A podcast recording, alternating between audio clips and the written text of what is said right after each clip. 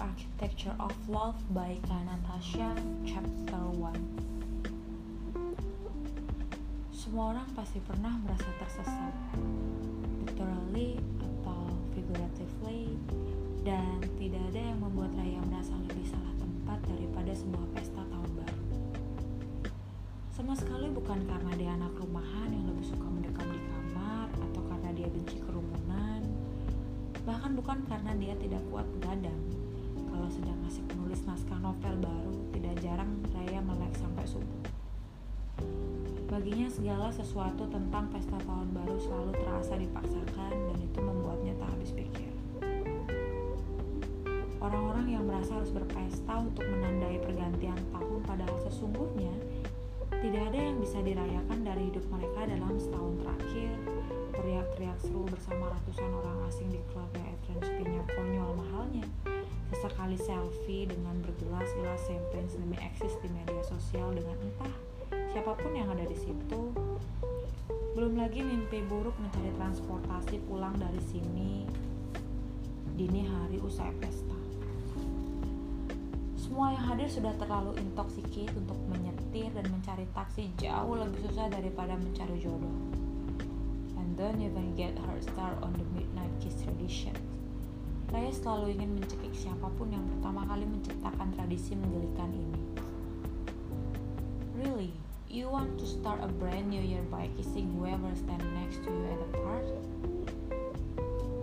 Beruntunglah orang-orang yang datang ke pesta modal begini berpasangan. Jadi tidak harus terjebak mencium orang asing yang kemungkinan besar sudah setengah mabuk dan bau nafasnya tajam oleh alkohol. Tapi lo malam ini ikut kan? Sargah Erin yang sebenarnya tahu betul alergi Raya terhadap acara begini. Dia bisa membaca gelagat sahabatnya itu. Jam 5 sore saat Erin sudah heboh memilih-milih gaun dengan sepatu apa yang paling pas A true challenge considering New York's chilly weather in December 8 derajat saja malam ini Thank you very much Raya masih tidur-tiduran dengan secangkir coklat panas di tangan kiri dan remote TV yang terus dia pencet-pencet sejak tadi di tangan kanan. Sebenarnya buat Raya, ini dilema. Dalam dua bulan terakhir dia sudah menumpang tinggal di apartemen Erin di Lower Manhattan. Dan menemani Erin ke pesta tahun baru entah siapa ini memang sudah sewajarnya. Menumpang memang kata yang paling tepat, karena saat Raya memaksa untuk membayar separuh biaya sewa bulanan, Erin menolak. Lo kira gue Airbnb? Udah tinggal di sini aja ya. Sewa gue dibayarin kantor kok. Raya pun mencoba membalas kebaikan Erin dengan tidak pernah membiarkan kulkas apartemen kosong dan mendahului sahabatnya membayar tagihan tiap kali mereka makan di luar. Udah, kan gue udah bilang gue seneng lo ke sini, nggak usah lo semuanya lo bayarin ya gue kan gak enak ditraktir terus begini Erin menjajalkan selembar 50 dolar ke tas Raya waktu terakhir kali mereka makan bareng di spot pick tempat burger favorit mereka berdua. Gue traktir terima aja kali Bu Erin, rezeki gak boleh ditolak. Duit royalti lo banyak banget sih ya, jadi bingung mau buat apa. Traktir gue sepatu aja deh, Erin mengerling jahit. Jadi lo mau pakai gaun yang mana nih? Mau pinjam punya gue juga boleh. Erin masih berdiri di depan lemari, tangannya sibuk memilah-milah dari tadi. Raya mengalihkan pandangan dari TV ke Erin tapi belum mengatakan apa-apa. Sini pilih.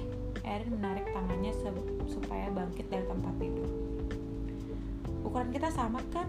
lo coba aja deh yang mana gue kayaknya mau pakai yang ini Erin matut-matut gaun hitam di depan cermin dan tiba-tiba menyadari ekspresi yang mematung di depan lemari di belakangnya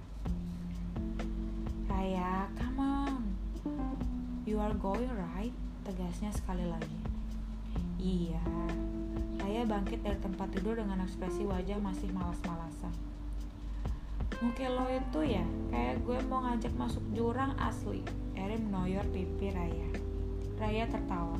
Gue lagi males banget aja hari ini, Beb. Makanya, dressing up will lift your mood. Me. Eh, lo bawa gaun gak ke sini? Lupa gue. Ada satu. Raya menjawab dengan agak ragu-ragu.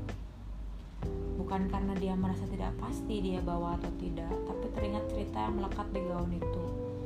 Dia bahkan tidak tahu kenapa dia masih membawa gaun itu ke sini. Mana? Lihat dong, paksa Erin. Raya menggeser-geser beberapa baju yang tergantung di lemari lalu mengeluarkan satu gaun hitam cantik. Potongannya konvensional dan anggun, tapi tetap terlihat seksi. Nah, pakai ini aja. Arin langsung berseru semangat. Mengambil gaun itu dari tangan Raya. Buka baju lo, gih, sekarang. Hah? Iya, buka baju lo terus cobain gaun ini maksud gue. Gue mau lihat. Sekarang banget ini. Iya, Erin ngotot dan langsung berseru antusias begitu Raya meng mengikuti permintaannya. Tuh kan, cakep banget. Udah lo pakai ini aja. A girl can never go wrong with a little black dress. Raya teringat terakhir kali dia mengenakan gaun ini dua tahun yang lalu. Tepat hari ini dua tahun yang lalu ketika dia menghadiri premier film yang diadaptasi dari salah satu novelnya. Senyum sana sini, menyapa entah siapa saja, menjawab bermacam-macam pertanyaan saat press conference yang semua dilaluinya dengan setelah duduk di kursi bioskop dengan sang produser di sebelah kanan, tangannya mulai dingin tenggorokannya mendadak kering dan jantungnya terasa ingin loncat dari dada. Baraya, bagaimana pendapat Mbak sendiri tentang filmnya? Ini pertanyaan salah satu wartawan sejam sebelumnya sewaktu press conference. Raya menjawab dengan suara dan senyumnya yang santai. Saya juga baru akan menonton filmnya malam ini bersama-sama teman-teman semuanya. Jadi saya juga penasaran banget nih setelah dia membenamkan tubuh di kursi bioskop yang empuk, baru Raya sadar. Penasaran, terlampau halus untuk menggambarkan perasaannya. Ketakutan setengah mati mungkin itu lebih tepat. Bahkan setiap kali bukunya terbit saja, Raya tidak pernah terlalu pusing dengan tanggapan pembaca atau presensi dia menulis karena dia cinta menulis dan dia menulis kisah karena ada yang ingin dia ceritakan, bukan karena ingin mencari popularitas atau award atau mengejar pujian.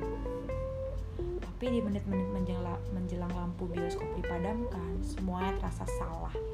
Keringat dingin mulai mengucur, perutnya mulas dan tenggorokannya butuh dibasahi terus-menerus. I hope you will like it, Sang produser menoleh ke arahnya tersenyum begitu lampu meredup. I hope so too, Raya membatin waktu itu. Karena jika tidak, dia harus menyiapkan mental memberikan tanggapan yang diplomatis kepada sang produser, wartawan yang lebih parah lagi pembaca-pembacanya yang setia, yang mungkin lebih mencintai buku itu daripada dirinya sendiri. Bagi seorang penulis, Buku yang ia hasilkan ibarat anak yang akhirnya lahir dari proses mengandung yang penuh perjuangan dan tidak mudah dan tidak sebentar. Menyerahkan karya kepada produser untuk diadaptasi menjadi film ibarat menyerahkan anak kepada orang lain untuk diutak-atik. Butuh kepercayaan dan mungkin sedikit kepasrahan walaupun tetap digelayuti ekspektasi. Malam ini akhirnya Raya bisa membuktikan ekspektasinya terpenuhi atau tidak dan itu membuatnya gugup luar biasa. Dan ternyata dia suka filmnya lebih daripada yang dia kira. Sebagian besar pembaca juga memuji-muji dan film itu laku keras. Bertahan hingga 7 bulan di bioskop dengan total penonton mencapai dua setengah juta prestasi yang jauh dari lumayan untuk sebuah film Indonesia.